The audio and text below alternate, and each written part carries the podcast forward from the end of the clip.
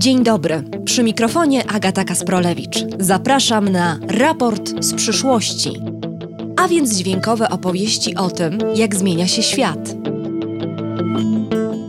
Żyjemy w czasach nieustającego postępu. Od czasu rewolucji przemysłowej, kiedy praca ludzkich rąk została zastąpiona pracą maszyn, świat naprawdę przyspieszył. Zaczęliśmy coraz więcej produkować i coraz więcej konsumować. Maszyny przyjmują nasze obowiązki w każdym obszarze. Technologia pomaga nam pracować szybciej, wydajniej, a także umożliwia nam pracę zdalną. Czy automatyzacja pracy to szansa dla człowieka na uwolnienie się od nudnych, powtarzalnych czynności, na rozwój kreatywności i pełne wykorzystanie ludzkiego potencjału?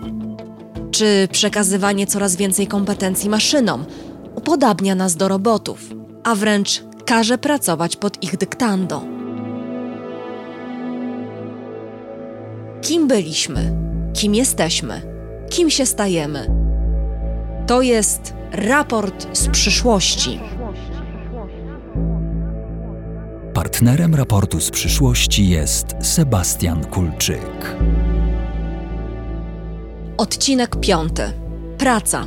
Część pierwsza.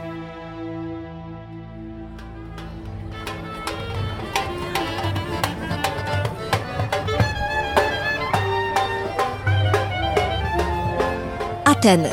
Okolice placu Monastiraki.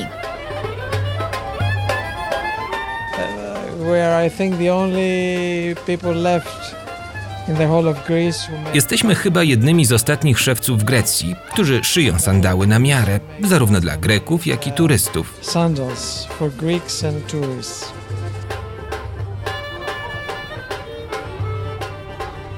Pantelisa Melisinosa spotykam w jego niewielkiej pracowni, która jest też sklepem. Panuje tu uroczy nieporządek. Skórzane sandały niczym kiście winogron związane rzemykami zdobią ściany. Między nimi niewielkie pianino, nuty, stary pękaty fotel. I'm third generation uh. Jestem trzecim pokoleniem szewców szyjących sandały w mojej rodzinie. Mój ojciec jest ateńskim poetą i szewcem. To on przywrócił modę na starożytne greckie sandały w XX wieku. in the 20th century. Sophia Loren, she bought sandals from my father. The Beatles, Jackie Onassis, Rudolf Nureyev. Mój ojciec uszył sandały Sophie Loren, a także Beatlesom, Jackie Onassis. Wiele znanych osób, gwiazd kupowało u nas sandały. Ostatnio zrobiłem parę dla Sary Jessica I Parker. made sandals for Sarah Jessica Parker, many, many famous people. And I'm uh, keeping up and I'm continuing uh, the tradition. Kontynuuję tę rodzinną tradycję. Także piszę poezję i sztuki teatralne. Każdą parę sandałów robimy ręcznie, na miarę. Używamy tylko naturalnej skóry. Dlatego sandał z czasem zmienia kolor, ciemnieje. Skóra staje się bardziej miękka i przyjemniejsza. Natural leather. It's as natural as you can get it. That is why it changes color too. It becomes dark with time and also softer and nicer.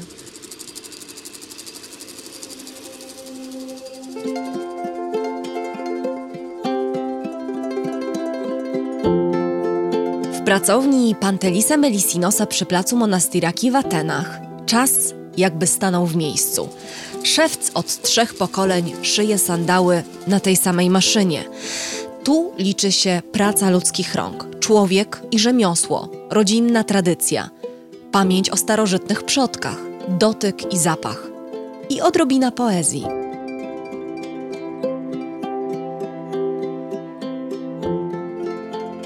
Pantelis Melisinos nie mógłby pracować w żadnym innym miejscu, jak ten niewielki sklepik połączony z pracownią na placu Monastiraki, w starej części Aten, nieopodal Biblioteki Hadriana i Akropolu.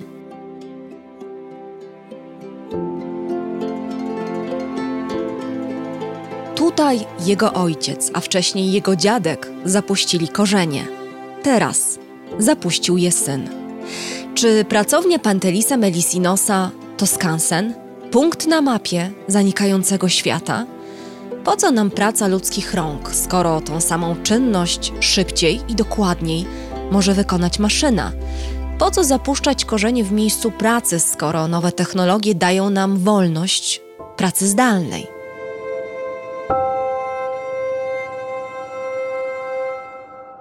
Sprawdźmy to.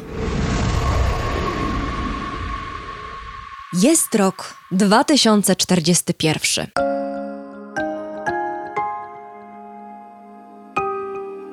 Siedzisz na tarasie swojego pokoju hotelowego w Wenecji. Walizki masz już spakowane. Właśnie skończyłaś miesięczny projekt w tym mieście. Teraz tydzień urlopu. Szybkie naładowanie baterii, a potem kolejny projekt i kolejne miasto. Tym razem Petersburg. Tam może nie być tak łatwo. To będzie twój pierwszy projekt w Rosji i nie wiesz, czego możesz się spodziewać. Pocieszasz się myślą, że po Petersburgu czekają cię dwa tygodnie bez żadnego projektu. Bierzesz łyk kawy i uśmiechasz się do siebie. Wiesz, że jesteś wygraną rewolucji w pracy, która dokonała się wskutek czwartej rewolucji przemysłowej i po pandemii. Kiedy okazało się, że masz elastyczny czas pracy i możesz wykonywać swoje obowiązki z dowolnego miejsca na Ziemi, Twój dotąd niezauważony talent rozkwitł i objawił się w pełnej krasie. Jeździsz po całym świecie i prowadzisz warsztaty dla najbardziej utalentowanych pracowników korporacji. Tworzysz dla nich spersonalizowane programy rozwoju, definiujesz potrzeby, by nie opuszczali firmy, która wcześniej zainwestowała w nich krocie. Jesteś strażniczką talentów. A przecież byłaś o krok od klęski, kiedy okazało się, że algorytmy lepiej sprawdzają się w roli doradców finansowych. Straciłaś pracę. Ale to już nieważne. Dziś jesteś kobietą sukcesu. Pracujesz gdzie chcesz, kiedy chcesz, ile chcesz. Jesteś panią swojego życia. A teraz scenariusz alternatywny. Jest rok 2041. Piątek. Minęła 23. Otwierasz drzwi swojej 18-metrowej kawalerki. Padasz na kanapę, ale nie odrywasz wzroku od smartfona. Planujesz już kolejny dzień pracy. Jutro sobota, dzień, kiedy ludzie zaczynają wakacje. Od rana do południa będziesz wozić ludzi na lotnisko. Algorytmy podpowiadają ci, że właśnie wtedy zyski będą największe. Potem będziesz rozwozić jedzenie. Potem, podobnie jak dziś, od 18 do 23 wolontariat na rzecz emerytów z pobliskiego domu emeryta Szczęśliwi po pracy. W ten sposób zbierasz punkty w aplikacji Spokojna Emerytura. To Twoja jedyna gwarancja, że kiedy nie będziesz już w stanie pracować, będziesz mogła liczyć na podobną pomoc. Jesteś w końcu pełnoetatową pracowniczką gospodarki na żądanie, rynku wciąż nieuregulowanego. Nie możesz więc liczyć na państwową emeryturę, a oszczędności nie masz, bo co uda ci się odłożyć, tracisz, gdy choroba uniemożliwia ci pracę. Te dwa scenariusze przyszłości oparte zostały na trendach, które już od pewnego czasu zmieniają sposób, w jaki pracujemy, ale zostały przyspieszone przez pandemię. Te trendy to praca zdalna, gospodarka na żądanie i jeszcze większa automatyzacja pracy. Czy sprawią, że nieskrępowani godzinami biurowymi, nie przywiązani do jednego pracodawcy, będziemy rozwijać naszą kreatywność, pozostawiając nudne, powtarzalne, rutynowe zajęcia maszyną, czy wręcz odwrotnie, w sposobie pracy coraz bardziej będziemy się do maszyn upodabniać, a wręcz pracować pod ich dyktando? Czy to jest początek nowej, elastycznej rewolucji w pracy, która zwiększy podmiotowość każdej jednostki posiadającej połączenie z internetem, a wyeliminuje niedobory umiejętności? Pisał w 2016 roku w swojej książce Czwarta rewolucja przemysłowa Klaus Schwab, założyciel i prezes Światowego Forum Ekonomicznego. w następnym zdaniu, poddając już swój optymizm w wątpliwość. A może uruchamia się nieunikniony wyścig do utraty tchu w świecie pełnym nieuregulowanych wirtualnych miejsc charówki? Jeśli wynikiem będzie to drugie, świat prekariatu, społeczna klasa robotników przechodzących od zadania do zadania, byle zarobić na życie, a jednocześnie cierpiących z powodu utraty praw pracowniczych, praw do negocjacji i bezpieczeństwa zatrudnienia, czy stanie się to potężnym źródłem niepokojów społecznych i niestabilności politycznej? Zagrożenie, o którym pisał Klaus Schwab, wynika z trendu, który w 2015 roku New York Times nazwał uberyzacją pracy. Trend, który w ostatnim czasie zaczął postępować, mówi Marek Szymaniak, reporter zajmujący się rynkiem pracy, autor książki Urobieni. Zaczęło się oczywiście od taksówek. Wszyscy wiemy, że transport w miastach przyjęły Uber i inne pozostałe aplikacje i wydawało się, że no być może na tym się skończy. Okazuje się, że nie. Już teraz dowóz jedzenia na przykład jest już bardzo zresztą popularnie przejęty przez to i, i tacy pracownicy przecież wykonują taką samą pracę. Ktoś wcześniej dowoził tą pizzę czy sushi na, na etacie jako kierowca w restauracji.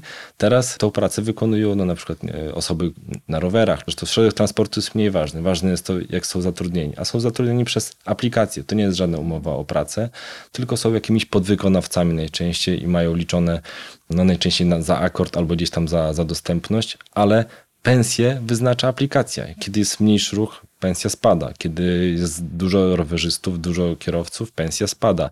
Kiedy firma uznaje, że z jakiegoś powodu chce obniżyć wynagrodzenia, ci pracownicy nie mają nawet prawa się zbuntować, bo nie mają jak tego zrobić. Jak to zrobić? Ale całkiem niedawno przecież była taka sytuacja, kiedy jedna z firm oferujących tą aplikację obniżyła wynagrodzenia i no generalnie też pogorszyła warunki pracy, e, współpracy z tą aplikacją, no pracownicy chcieli się zbuntować, zrobić strajk, że wszyscy odmawiają pracy i aplikacja ich po prostu wyłączyła jednym przyciskiem i nie mieli nic do powiedzenia. To jest jakby trend, który będzie się, no ja uważam, niestety rozwijał, bo już rozlewa się też na kolejne zawody. Już są aplikacje do zlecenia tłumaczeń, do jakichś tam drobnych prac i tak dalej, więc te kolejne rzeczy będą pochłaniane przez te formy, ponieważ no, jest to prezentowane jako coś nowoczesnego, coś wygodnego dla użytkownika, owszem.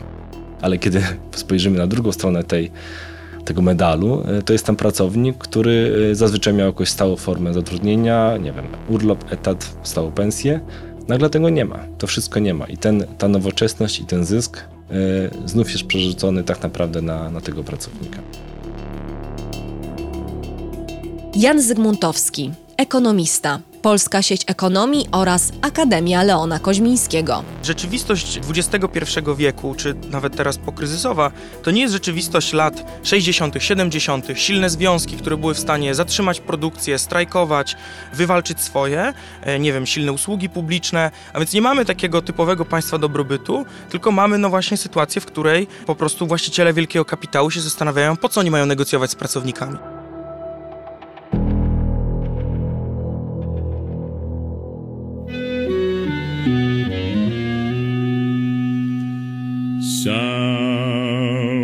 People say a man is made out of mud.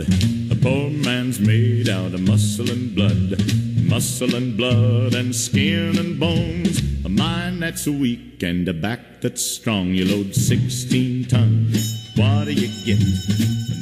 16 Tons, a więc 16 ton, to piosenka, którą po raz pierwszy przed laty zaśpiewał Tennessee Ernie Ford. Opowiadała o trudach górnika pracującego w amerykańskiej kopalni w pierwszej połowie XX wieku. Niedawno posłużyła za ścieżkę dźwiękową do odcinka słynnej amerykańskiej kreskówki South Park, w którym jeden z bohaterów zostaje zatrudniony w Amazonie.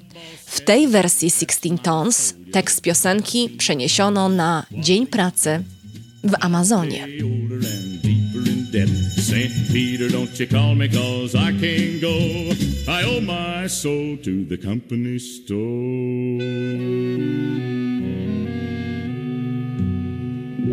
Amazon. Jeden z największych gigantów na globalnym rynku, którego założycielem jest Jeff Bezos, najbogatszy człowiek świata. Słynie z niechęci do związków zawodowych. Do dziś w Amazonie w Stanach Zjednoczonych nie działa ani jeden taki związek. W maju 2021 roku pracownicy z Alabamy byli o krok od utworzenia pierwszego związku zawodowego w Amazonie, mówi Arthur Wheaton, ekspert do spraw pracowniczych z Uniwersytetu Cornella. Amazon finally had to admit it that the workers Amazon musiał się wreszcie przyznać, że nie pozwala pracownikom opuścić miejsca pracy, żeby skorzystać z toalety. Wyszło na jaw, że muszą korzystać z butelki, bo na pójście do łazienki nie dostają przydziału czasowego. Bezos. Wielu Amerykanów powiedziało: Rany, Jeff Bezos, szef Amazona, jest najbogatszym człowiekiem w Stanach, jeśli nie na całym świecie. Jak to możliwe, że nie stać go na to, by jego pracownicy mieli czas na wyjście do toalety?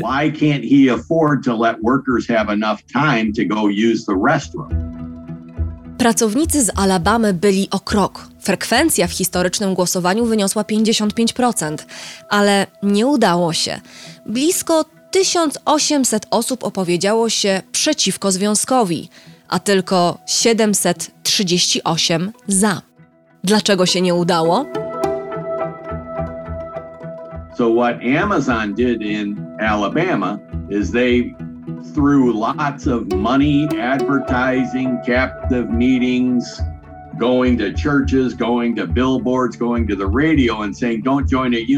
Amazon wydał potężne pieniądze na akcję propagandową przeciwko powstaniu związku. Na reklamy, spotkania w kościołach, billboardy, czas antenowy w radiu. Straszyli związkami. Wywarli na pracownikach maksymalną presję, by nie głosowali za utworzeniem związku. Bo to byłby pierwszy związek w Amazonie w Ameryce.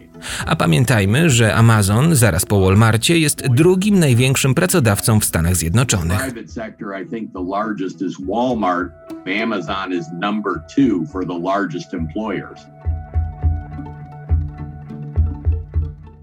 te nierównowagi w dobie właśnie rozwoju technologicznego, rozwoju tych firm z kręgu big tech e, są jeszcze większe niż bywały wcześniej. Mówi Andrzej Kochut, amerykanista z klubu jagiellońskiego ze względu na niestabilne formy zatrudnienia, ze względu na bardzo dużą rotację w tych zakładach pracy, przecież sam Amazon też korzysta e, masowo z pracy sezonowej. E, w związku z tym e, ta pozycja pracownika jest jeszcze słabsza i tym bardziej jej zrównoważenie, doprowadzenie do takich bardziej partnerskich stosunków pomiędzy pracodawcą a pracownikiem wymagałoby sprawnych związków zawodowych.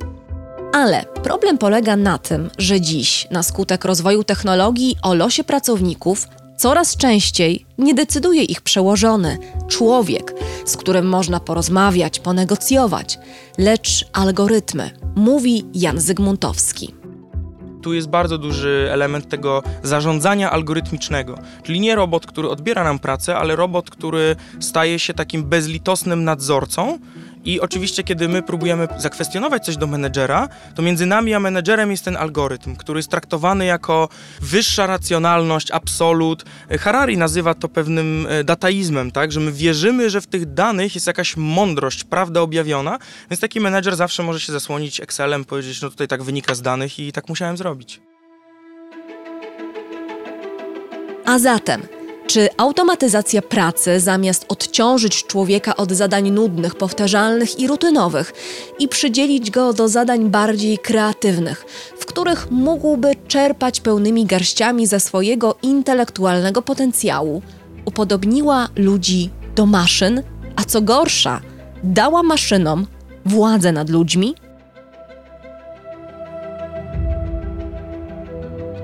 Zobaczmy, że najbardziej zautomatyzowane fabryki, czyli na przykład magazyny logistyczne Amazona, automatyzacja tych e, magazynów nie usuwa z nich ludzi, ani nie przesuwa ludzi na pozycje nadzorcze, tylko sprawia, że maszyna nadzoruje każdy ruch człowieka i on musi się dostosować do tempa maszyny. Jeśli nie, no to maszyna może go nawet uszkodzić.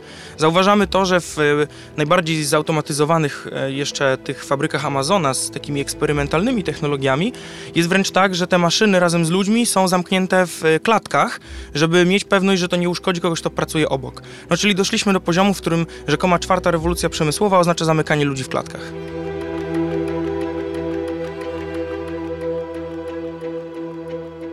Przecież maszyny miały służyć człowiekowi, a nie na odwrót.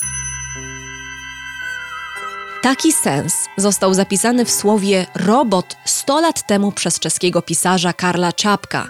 To właśnie w jego sztuce teatralnej po raz pierwszy to słowo zostało użyte i oznaczało ciężką, przymusową pracę.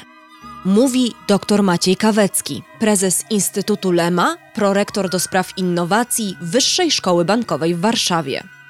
W 1921 roku na deskach Teatru Narodowego w Pradze niejaki Karel Czapek wystawił sztukę Uniwersalne Roboty Rossuma, która miała opowiadać historię robotów znanych nam dzisiaj z rzeczywistości, takich humanoidalnych, które miały pomóc człowiekowi w podejmowaniu takich bieżących, powtarzalnych czynności życia codziennego, a słowo robot od czeskiego słowa robota, które oznaczało niewolnika. No i te roboty w, w tej książce rzeczywiście najpierw pomagały człowiekowi, potem zaczęły go wyręczać, a na samym końcu zabiły wszystkie osoby żyjące tam z wyjątkiem jednego inżyniera.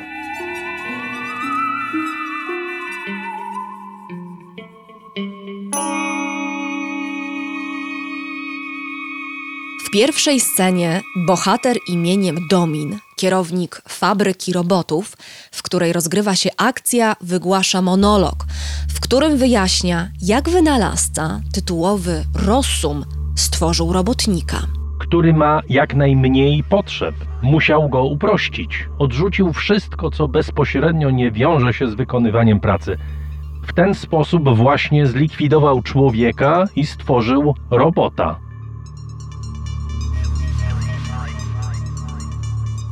Maszyna, jaką jest człowiek, okazała się szalenie niedoskonała. Przyroda nie miała wyobrażenia o nowoczesnym tempie pracy.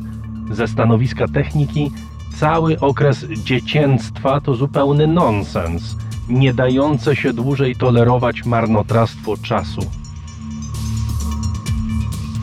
Domin, siedząc przy ogromnym biurku, nad którym wiszą plakaty z hasłami roboty, firmy, Rosum to najtańsza siła robocza, przekonuje, że technologia całkowicie wypleni biedę. A kiedy maszyny zaczną wszystko robić za człowieka, ludzie wreszcie będą mogli zająć się samodoskonaleniem.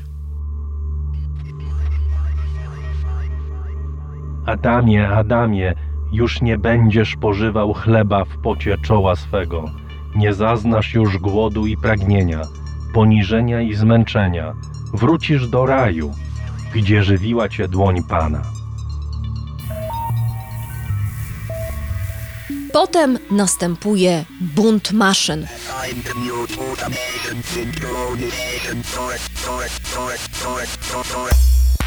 Roboty nie chcą dalej służyć gatunkowi, który uważają za gorszy od siebie, czyli ludziom. W trzecim akcie roboty przeprowadzają ludobójstwo. Słowo robot nabiera nowego znaczenia. W to słowo wpisany jest gen człowieczeństwa, czyli czym kończy się, czym może skończyć się przekroczenie granicy tego, co ludzkie, a tego, co techniczne. Tak ja rozumiem tę myśl Karela Czapka. Jedyny ocalały człowiek pyta przywódcę robotów, dlaczego wytępiły wszystkich ludzi. W odpowiedzi słyszy: Jeśli chcecie być jak ludzie, musicie zabijać i panować. Czytajcie historię, czytajcie księgi ludzi. Jeżeli chcecie być ludźmi, musicie mieć władzę i mordować. Źródła zła nie należy więc szukać tylko i wyłącznie w technologii, ale przede wszystkim w człowieku. Karl Czapek przed stu laty zawarł tę myśl w przerażającej historii, oby nigdy się nie spełniła i pozostała na zawsze fikcyjną literacką przestrogą, choć dziś niezwykle aktualną, bo przecież zrzucanie całej winy za współczesny wyzysk na algorytmy to pójście na skróty, mówi Jan Zygmuntowski. Te algorytmy, no, one są tylko fasadą, prawda? W sensie prawdziwą pieczę sprawują właściciele kapitału. To oni ostatecznie finansują te algorytmy i mówią w na przykład w specyfikacji technicznej, proszę optymalizować czas wykonania, proszę optymalizować to, więc to oni je ostatecznie wprowadzają no, dla intensyfikacji jeszcze większej pracy. Bo niestety, ale dużej części prac usługowych nie da się po prostu zautomatyzować. No nie możemy zautomatyzować pracy pielęgniarki, czy kogoś na magazynie jeszcze i wielu innych prac, ale możemy sprawić, żeby ci ludzie pracowali jak maszyny i to jest najkrótsza droga do jeszcze większych zysków. Winna jest ludzka chciwość, która zdaniem Jana Zygmuntowskiego zaczęła przybierać na sile. Od 1989 roku niepodzielnie panuje na świecie kapitalizm. Y, jak to określił słynny profesor y, Branko Milanowicz, kapitalizm osamotniony. Nie ma już dla niego, przynajmniej tak się wydaje, nie ma dla niego żadnej konkurencji. No i y, stopniowa finansjalizacja, jaka była w latach 90., wzrost ogromnych funduszy, banków, prywatyzacja często funduszy emerytalnych doprowadziła do tego, że te pieniądze, e, ten, ten kapitał nie miał gdzie trafiać, żeby pomnażać cały czas zyski. No bo to jest system, który musi mieć ciągle większe zyski, a e, no nie da się czasami wykręcać większych niż standardowe zysków. Po prostu trzeba by komuś zabrać, żeby mieć więcej. No i mniej więcej w tym okresie zaczęto bardzo intensywnie finansować nowe technologie. Wręcz mówi się o takim sojuszu właśnie finansistów, prawda, no bo to ono sponsorowało też technologię Doliny Krzemowej. No i na początku lat 2000 po kryzysie, po tej bańce internetowej, która pokazała, co, co działa jako model biznesowy, a co nie, no te firmy, które chciały działać dalej, uznały, że jedynym sposobem jest stanie się jakby powszechną infrastrukturą publiczną, podbój całego świata i zastąpienie na przykład takiej komunikacyjnej infrastruktury. Dziś szkoły komunikują się przez Microsoft Teams, a y, kancelaria premiera Rady Ministrów ma swoje konferencje na live streamie facebookowym. To jest absolutnie infrastruktura, która weszła w całe nasze społeczeństwo. No i y, jak będziemy inwigilować ludzi, to będziemy zbierać więcej danych. I całe to myślenie znowu napędziło nierówności. Od czasów Reagana mieliśmy obniżki podatków. No więc cały ten kurs nazywany neoliberalną polityką gospodarczą doprowadził nas do tak dramatycznej sytuacji.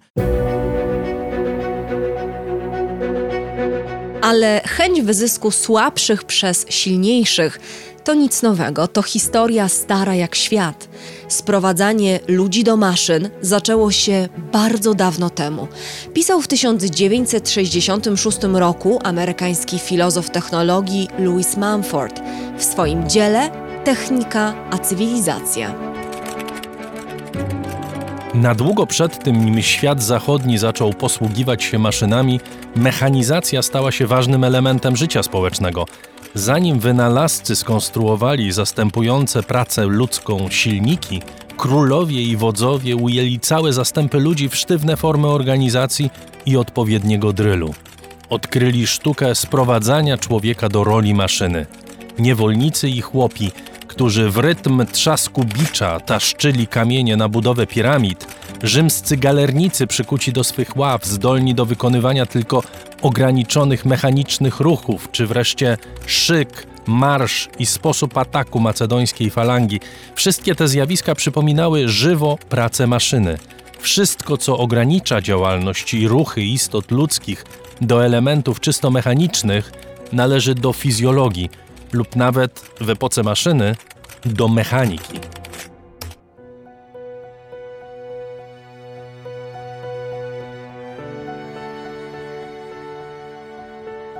I lose my life as well gone because uh, I'm not enjoying my. Ja już straciłem życie. I will save money, but uh, this is not for me. Wszystko przepadło, nic mnie nie cieszy. Oszczędzam pieniądze, ale one nie są dla mnie. To dla mojej rodziny i syna. Czasem rozmawiam z żoną. Mówię, możemy podjąć dwie decyzje: albo rodzina, albo pieniądze. Kiedy tak myślę, wybieram pieniądze i muszę zapomnieć o tobie. By żyć, potrzeba nam pieniędzy. So because in life you needed money. If you don't have money, so Mówi pakistański kierowca Alkam Dulilach, jeden z setek tysięcy robotników napływowych, którzy każdego dnia budują potęgę Dubaju. Który mogąc pochwalić się najwyższym budynkiem na świecie, sztuczną wyspą w kształcie palmy, naziemnym metrem i niezwykłym Muzeum Przyszłości, którego budynek jest zaprojektowany przez algorytmy, stał się symbolem nowoczesności i innowacji.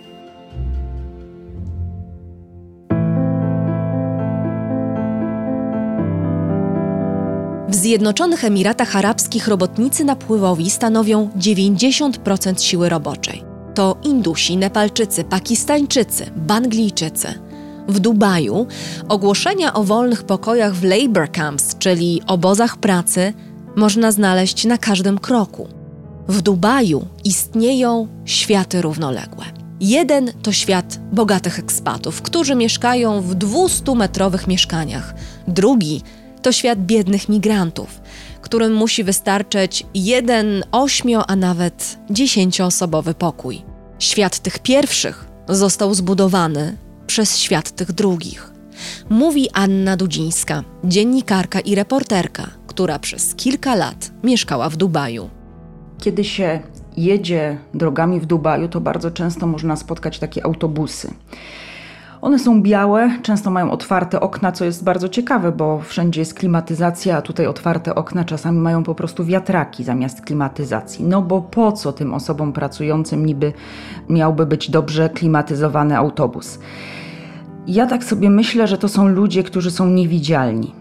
Te autobusy są niewidzialne i ci ludzie też są niewidzialni dla niektórych, którzy przyjeżdżają do Dubaju. Skąd oni się tam wzięli? No, pewnie z ogromnej dysproporcji. Kiedy odkryto ropę naftową w krajach Zatoki Perskiej, okazało się, że potrzebują ludzi do pracy. Dlatego, że samych Emiratczyków, samych mieszkańców innych krajów Zatoki Perskiej jest po prostu bardzo niewielu. Więc zaczęli przyjeżdżać napływowi robotnicy. To jest system, ja jeszcze raz to podkreślę, który nie powstał 10 lat temu, a nie 20, kiedy my kojarzymy właśnie Dubaj z tym wykorzystywaniem pracowników. Nie, nie, nie. On powstał zdecydowanie wcześniej i służył jakby monitorowaniu tych zagranicznych pracowników, którzy tam przyjeżdżają. Tak powstał bardzo osobliwy system pracy, zwany kafala, mówi profesor Łukasz Fyderek z Katedry Bliskiego i Dalekiego Wschodu Uniwersytetu Jagiellońskiego władcy tych państw bardzo szybko zauważyli, że sprowadzając pracowników do rozmaitych przemysłów, sprowadzają cały szereg problematycznych idei. To w owym czasie, w latach 50., 60., byli przede wszystkim Arabowie z innych krajów, z Egiptu chociażby, czy z Syrii. No i oni przywozili ideę chociażby republikanizmu albo socjalizmu. No to są były pomysły, które bardzo nie podobały się emirom i królom i książętom w tych państwach. Stąd pojawiło się takie, no, oparte na pewnych wzorcach wcześniejszych, pomysł na kontrolę polityczną i ekonomiczną tych migrantów zarobkowych poprzez powiązanie ich bezpośrednie z y, jakimś lokalnym obywatelem. Ten system jest tylko tam, jest bardzo specyficzny i właściwie no, nie ma nic wspólnego z naszym takim, no nie wiem, oświeceniowym pojmowaniem pracy, tak? I praw pracowniczych. Nie możemy chyba przykładać do niego po prostu swojej miary. On y, obowiązuje i w Arabii Saudyjskiej, i w Omanie, i w Libanie, w Jordanii. Wszędzie jest dosyć podobnie. Powstał między innymi dlatego, żeby tych pracowników jakoś można było kontrolować, ale też ci opiekunowie mają swoje obowiązki, prawda? Czyli muszą zapewnić w tej chwili na przykład tym pracownikom bilet powrotny do domu, muszą zapewnić nocleg, muszą zapewnić jakieś podstawowe jedzenie. No, jest to dosyć precyzyjnie opisane i też trzeba przyznać, bardzo się zmienia, bo to nie jest tak, że Dubaj nie zerka na to, co się o nim mówi, a właściwie chyba wszyscy jesteśmy pewni tego, że Dubaj musi zerkać na to, jaki ma PR. Kiedyś ci opiekunowie, tak zwani, mogli przetrzymywać, a nawet przetrzymywali pracowników paszporty. W tej chwili prawnie jest to niedozwolone. Czy tak się dzieje, czy się nie dzieje, to jest już zupełnie inna sprawa i tak naprawdę wszystko zależy tutaj od ludzi, którzy są tymi sponsorami poszczególnych pracowników. I od nich też zależy, jak ci pracownicy są traktowani, bo ja znam firmy, które stosunkowo dobrze traktują tych przyjeżdżających robotników, ale znam też i takich, którzy mieszkają no, w absolutnie opłakanych warunkach. Zdarzają się też prawdziwe dramaty. Niektóre wychodzą na światło dzienne dzięki dziennikarskim śledztwom. Tak jak śmierć 6,5 tysiąca migrantów zarobkowych, którzy zginęli podczas budowania stadionów i innej infrastruktury na finały Mistrzostw Świata w piłce nożnej w Katarze. Liczba ta oznacza, że od pamiętnej nocy w grudniu 2010 roku, kiedy FIFA ogłosiła gospodarzem mistrzostw, a ulice Dochy wypełnił wiwatujący tłum, każdego tygodnia ginęło 12 robotników z Indii, Sri Lanki, Pakistanu, Nepalu, Bangladeszu. Ta historia pokazuje coś jeszcze, że odpowiedzialność za wyzysk robotników w krajach Zatoki Perskiej ponoszą nie tylko ich władcy, ale także Zachód. Przecież to nasze mistrzostwa. No, trzeba sobie powiedzieć, że tak naprawdę wszystkie te piękne budynki i w Dubaju, i piękne stadiony w Katarze zbudowali y, ludzie z biednych krajów Azji, Afryki, którzy przyjeżdżają tam i mieszkając w strasznych warunkach czasem, czasem w troszeczkę lepszych, po prostu to robią, my na to przymykamy oko, jeździmy, pijemy sobie drinka z palemką i y, no, wtedy nie wydaje nam się, że to przeszkadza, prawda? To są fakty dziennikarskie, które powinny naprawdę być piętnowane na każdym kroku. Natomiast czy większość tych ludzi chciałaby wrócić do swojego kraju, by tam żyć i mieszkać i nie mieć pieniędzy? No niestety badania pokazują, że wystarczy płaca o dwie trzecie wyższa i ona jest tym motywatorem, który sprawia, że ktoś ze Sri Lanki albo z Filipin jest w stanie pojechać do Dubaju i właściwie jest szczęśliwy, że może tam pracować. Ja y, no, nie bez kozery używam tego słowa szczęśliwy, bo dla naszych wartości to jest jednak nieprzekładalne. Jednak ich wypadku oni mają świadomość, że wysyłają swoje dziecko do szkoły jedno albo troje, że być może ich dziecko nie powtórzy tego samego scenariusza życia. Ale czy nie jest też często tak, że jedna kobieta pracująca z Filipin w Dubaju załatwia pracę dla swojej młodszej córki? No jest. Ktoś z wioski pakistańskiej wyjeżdża i pracuje w Dubaju. No, zarabia na dom albo na sklep, przyjeżdża z powrotem do tej wioski pakistańskiej, swój sklep nazywa Dubai Shop. Dla mnie to, jak tak popatrzeć na znaczeniową wymowę tego zdarzenia, to jest po prostu naprawdę przerażające, bo no nie wierzę, że ktoś, kto mieszka przez 20 lat w Dubaju i widuje swoją żonę co dwa lata, może być człowiekiem szczęśliwym. Zresztą widziałam mnóstwo takich scen na lotniskach. Nie wiem, wystarczy wylatywać z Nepalu i można zobaczyć, kiedy te rodziny się rozstają.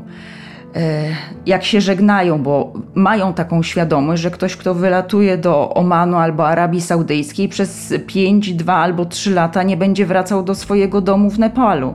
I to są sceny, które rozrywają serce po prostu. A z drugiej strony, no, nikt im też nie przystawia pistoletu do e, czoła i nie mówi jedźcie tam i zarabiajcie. Nikt oprócz ekonomii. I oni sobie to po prostu przeliczają. Wiedzą, że to się opłaca, więc wyjeżdżają. Więc wszystko to jest po prostu bardzo trudne i dopóki ten świat będzie się opierał na takiej jednak e, nieproporcjonalności płac, no to taki przepływ będzie czymś absolutnie naturalnym. Drugą rzeczą jest załatwienie dla tych ludzi no, takiego minimalu, podstaw jakby funkcjonowania w tych krajach. A to, że oni będą ludźmi drugiej kategorii, no to tak po prostu będzie. No, tak są traktowani, a nie inaczej. Niestety muszę powiedzieć, że są traktowani tacy ludzie również w naszej oświeceniowej Europie, gdzie zupełnie inny system myślenia o pracy jest, prawda? Więc to jest taka dla mnie bardzo gorzka refleksja. Bo czy w wyzysku taniej siły roboczej nie bierzemy udziału także my, zwykli konsumenci, którzy po prostu chcą tanio zapłacić za usługę? A teraz, w czasach nowych technologii, jest to jeszcze łatwiejsze? Marek Szymaniak, autor książki Urobieni reportaże o pracy. Właściwie nie mówi się o pracowniku. Mówi się, że, że to nam, konsumentowi, klientowi ma być wygodnie. To my mamy sobie tanio i szybciutko dojechać taksówką z jednego punktu do drugiego. I właściwie to nawet nie jest podróż taksówką, tylko to jest jakaś taka przygoda, bo jedziemy na miasto, może jesteśmy właśnie w jakimś nowym miejscu, zwiedzamy. Ktoś, kto dowozi nam jedzenie, to nie jest według narracji obowiązującej pracownik, tylko to jest jakiś tam uczeń, student, może on sobie dorabia, albo ma chwilę czasu, to sobie pojeździ, bo chce sobie dorobić. A jednocześnie wiele tych osób to są właśnie przykład emigranci, którzy no nie mają za bardzo wyboru, bo albo są legalnie w Polsce, albo nielegalnie. Tutaj nikt od nich nie wymaga żadnych dokumentów, tylko po prostu logują się do aplikacji, ale tracą swoje prawa. Oni też nie mają za wiele wyboru, no bo innej pracy e, bardzo często nie mogą dostać. Więc trzeba patrzeć za każdym razem też na tą ciemniejszą stronę tej relacji. Kiedy my tu jesteśmy klientem, myślimy sobie, że jest fajnie, tanio, szybko i wygodnie, a jeszcze nowocześnie i teraz tak modnie jest zamówić sobie pizzę do domu czy jakiś inny posiłek, ale ktoś to dostarcza. Trzeba by się zastanowić, czy on to robi na takich warunkach, w jakich my byśmy chcieli pracować. Zapotrzebowanie na takie usługi wzrosło w czasie pandemii. Tak rozrasta się nowy prekariat, który przepowiedział Klaus Schwab. Czy na tym polega postęp? Na wymyślaniu coraz bardziej innowacyjnych metod zmuszania ludzi do pracy? Kiedyś były to kajdany, dziś algorytmy?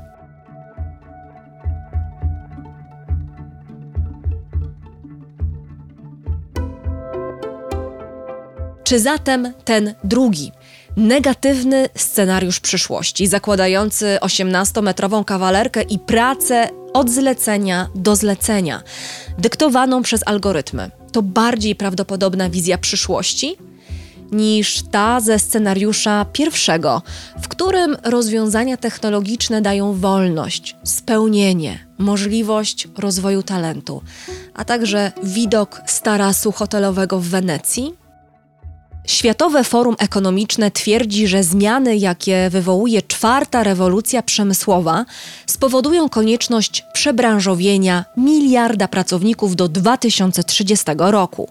Mówimy tutaj o jednej trzeciej dotychczasowych miejsc pracy. Pandemia tylko przyspieszyła te trendy. Z badań firmy konsultingowej McKinsey wynika, że pandemia zwiększyła odsetek osób, które do 2030 roku będą musiały zmienić zawód o 12%. Kto najbardziej na tym ucierpi? Tutaj pandemia również służy podpowiedziami. Najprawdopodobniej całkowitej lub niemal całkowitej likwidacji ulegną te miejsca pracy, które szybko zostały zautomatyzowane w trakcie pandemii. Kasjerzy, telemarketerzy, sezonowi pracownicy rolni, sekretarki i sekretarze. Ucierpią zatem przede wszystkim osoby zarabiające mało a to największe ryzyko dla państw rozwijających się, zwłaszcza tam, gdzie producenci będą chcieli zintensyfikować automatyzację pracy, aby jeszcze bardziej zwiększyć produktywność i zysk. Ale może w tych czarnych scenariuszach jest pewna przesada, nadwyżka pesymizmu i strach, które towarzyszą ludzkości za każdym razem, kiedy stoimy w obliczu zmiany, mówi dr Maciej Kawecki. Zawsze jak e, wdrażano w historii rozwoju technologii jakieś innowacje, czy to mówimy o przesiadce z bryczek konnych do pojazdów elektrycznych, przecież pierwsze pojazdy to była elektromobilność, prawda, więc samochody elektryczne, potem ten wielki rozwój prasy w XIX wieku, czy potem początek XX wieku rozwój chociażby kanalizacji w Warszawie.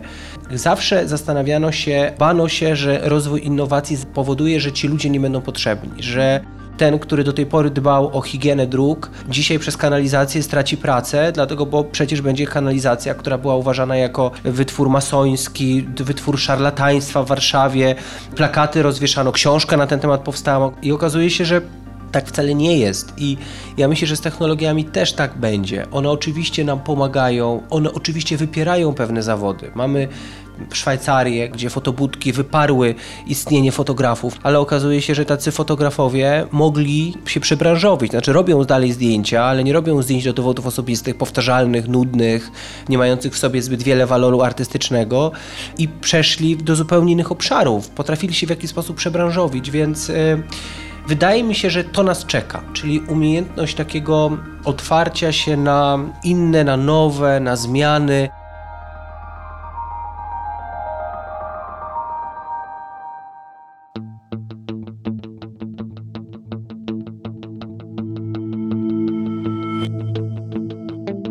Komu więc się uda? I jaka będzie społeczna cena tego sukcesu? Czy praca zdalna daje wolność, czy iluzję wolności?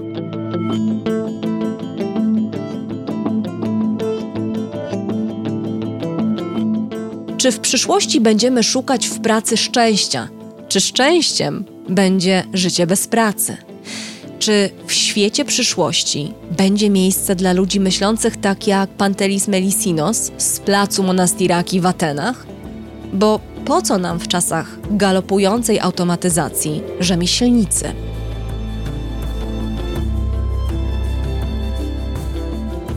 Odpowiedzi na te pytania poszukamy w drugiej części odcinka o pracy.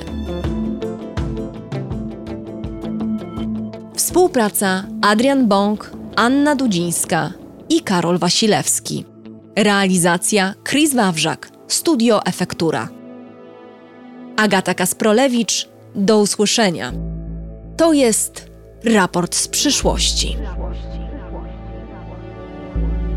Partnerem raportu z przyszłości jest Sebastian Kulczyk.